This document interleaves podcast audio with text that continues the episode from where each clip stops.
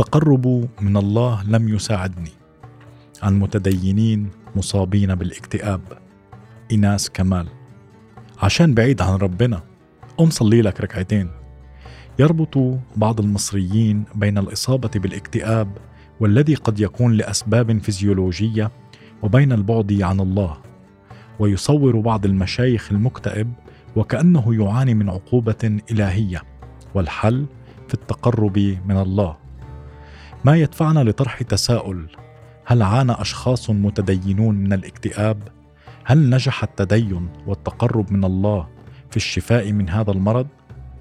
يقول محمد شاب ثلاثيني ولد في أحد محافظات جنوب مصر المتشدده اجتماعيا ودينيا. إنه لم يعش طفوله كالاخرين بل اختبر تجارب نفسية قاسية بدأت في سن السادسة بوفاة والدته. ومعاملة زوجة أبيه السيئة وظل حتى نهاية مراهقته يندمج مع منتمين لتيار ديني متشدد. حرم محمد الغناء على نفسه استماعا وممارسة. كان يتحين كل فرصة للتقرب إلى الله حتى أنه فكر في قطع عضوه الذكري حتى لا يعيقه عن الجنة.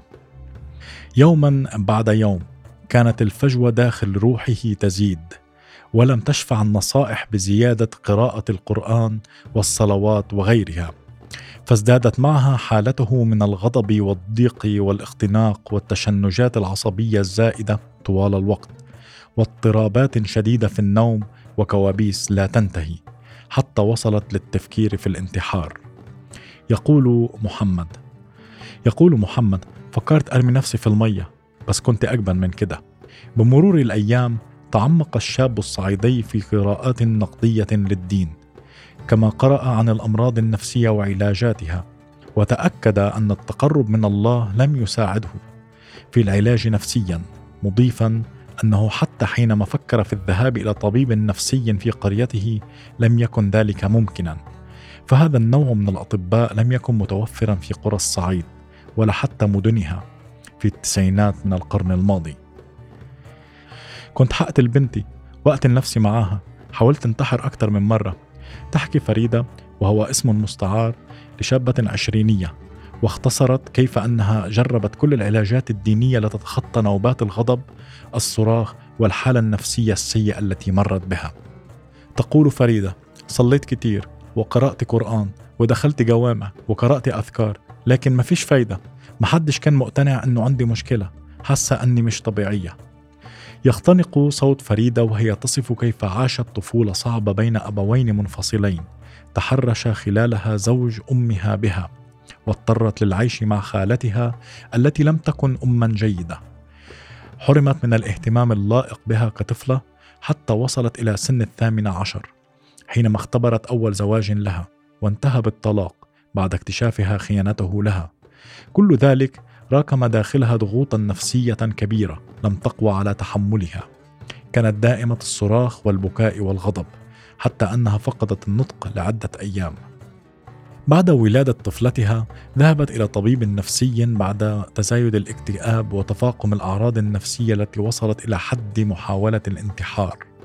العلاج النفسي ساعدها كثيرا وبدأت في استعادة عافيتها وذاقت النوم بعمق لأول مرة منذ سنوات طويلة. وعاد جسمها إلى الامتلاء بعدما فقدت كيلوغرامات عديدة. اتصلت بدار الإفتاء تطلب منهم فتوى بسبب حالتها النفسية الصعبة عندما كانت ابنتها بعمر السبعة أشهر.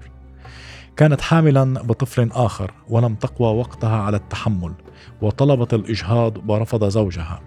أغلقت باب الغرفة عليها وظلت تكسر في كل شيء حولها وقبل أن تنهي كل ذلك بقتل نفسها.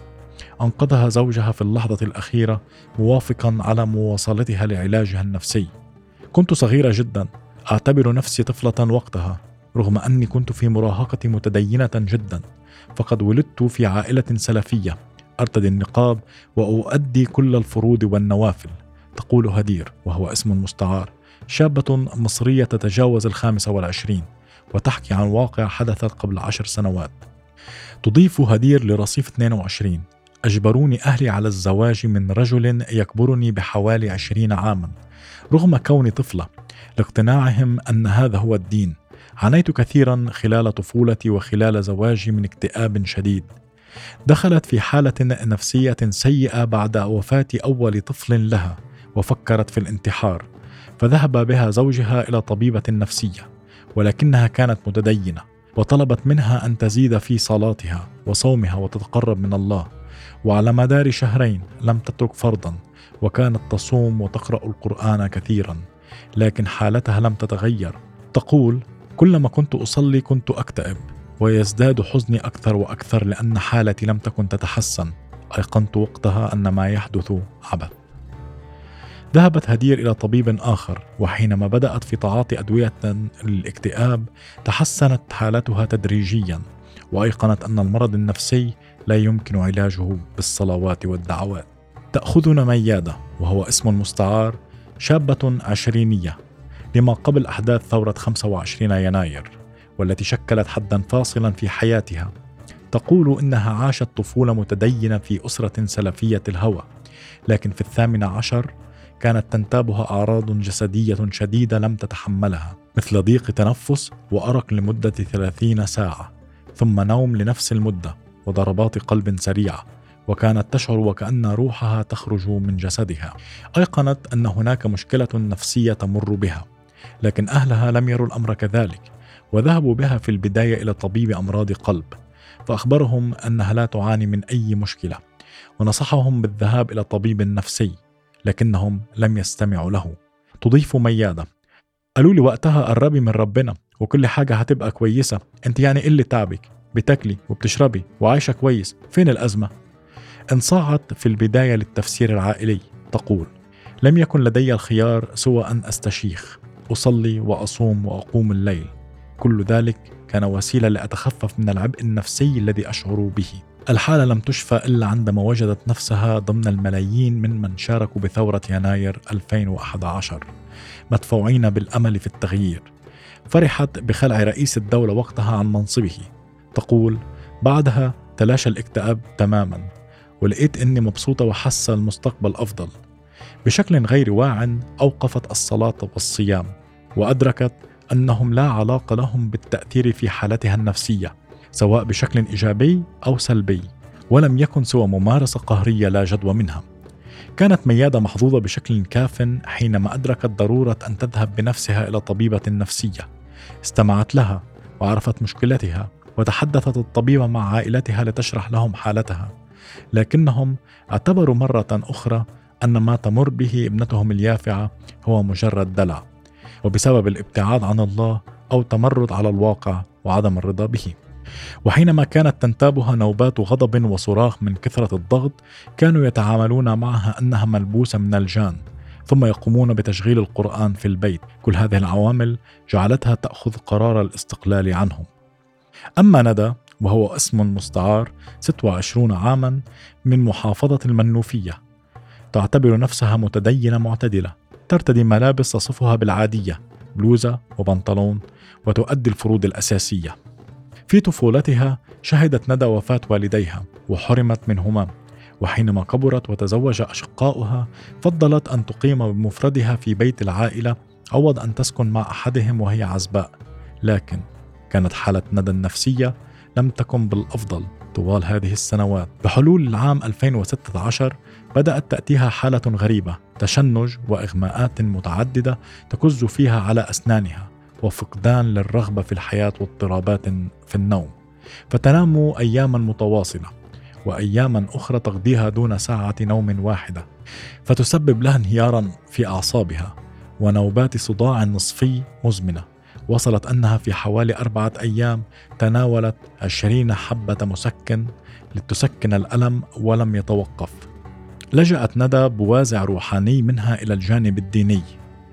فكانت تصلي كثيرا وتقرأ القرآن وتشغل سورة البقرة بجوارها كل ليلة عند نومها ولكن لم يشفع كل ذلك في دحض كوابيسها ولم تزدها تلك المحاولات إلا سوءا أخذت قرارا لبدء العلاج النفسي. واكتشفت أن الأمر له علاقة بتجارب نفسية قاسية وعنيفة مرت بها منذ طفولتها كما أنها في وسط أصدقائها كانت أشبه بالإسفنجة. تمتص منهم مشاكلهم وتتعب بسببها وتستهلك طاقتها. نتائج المسح القومي للصحة النفسية لمصر في عام 2018 أكدت أن واحد من كل أربعة أشخاص مصاب بنوع من الاضطرابات النفسية. أي أن 25% من المصريين يعانون من الأمراض النفسية. وتتنوع أعمار المصابين بين صغار وشباب وكبار السن. وبحسب تقرير عن منظمة الصحة العالمية في 2019 أكد أن مصر شهدت أعدادا كبيرة من المنتحرين عام 2016 وصلوا إلى 3799 حالة انتحار. نور أحمد أخصائية ومعالجة نفسية قالت لرصيف 22 أن بعض الاضطرابات النفسية تكون لأسباب بيولوجية أي خلل في إفراز أنزيمات وهرمونات في الجسم مثل الاكتئاب فهو ينتج عن نقص السيرتونين في الجسم كدة أنه مهما اقترب الإنسان وقتها من الله فلن يحدث أي تغيير في جسمه لأن الجسم يحتاج إلى ضبط الخلل في كيمياء الدماغ. وتضيف هنا يصبح دور الدين جانبيا.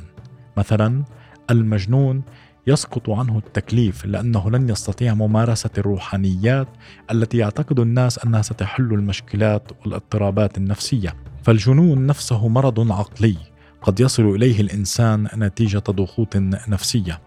أما داليا وصفي الباحثه في العلوم الإنسانية فترى أن الطبيعة البشرية لا ترضى القبول بالواقع. وأن التدين بشكله الحالي في مصر وعدد من الدول الإسلامية ليس حقيقيا وأصبح يحمل صورا شكلية ومتطرفة ويتم استخدامه من السلطة. وتدلل وصفي على ذلك بأن الدين الإسلامي مثلا يطلب من البشر السعي ورد الظلم والوقوف بجانب الحق وكل هذه الصفات فطرية طبيعية. أما التدين الذي يروج له رجال الدين فخلق لدى الناس حالة نفسية غير سوية. جعلتهم يسكتون عن الظلم بدعوى الصبر ويسكتون عن المعاناة الجسدية والنفسية ويجبر الإنسان نفسه على محاربة نفسها واحتياجاتها الطبيعية كبت المشاعر والدعوة للعنف والكراهية. وكل ذلك يدمر أي نفس سوية ويجعلها متألمة ومهزوزة دون معرفة السبب وهو مخالف للطبيعة. أما العلاج النفسي الطبي فيحل هذه المشكلة ويساعد على المرونة وتقبل الآخر وتطوير النفس.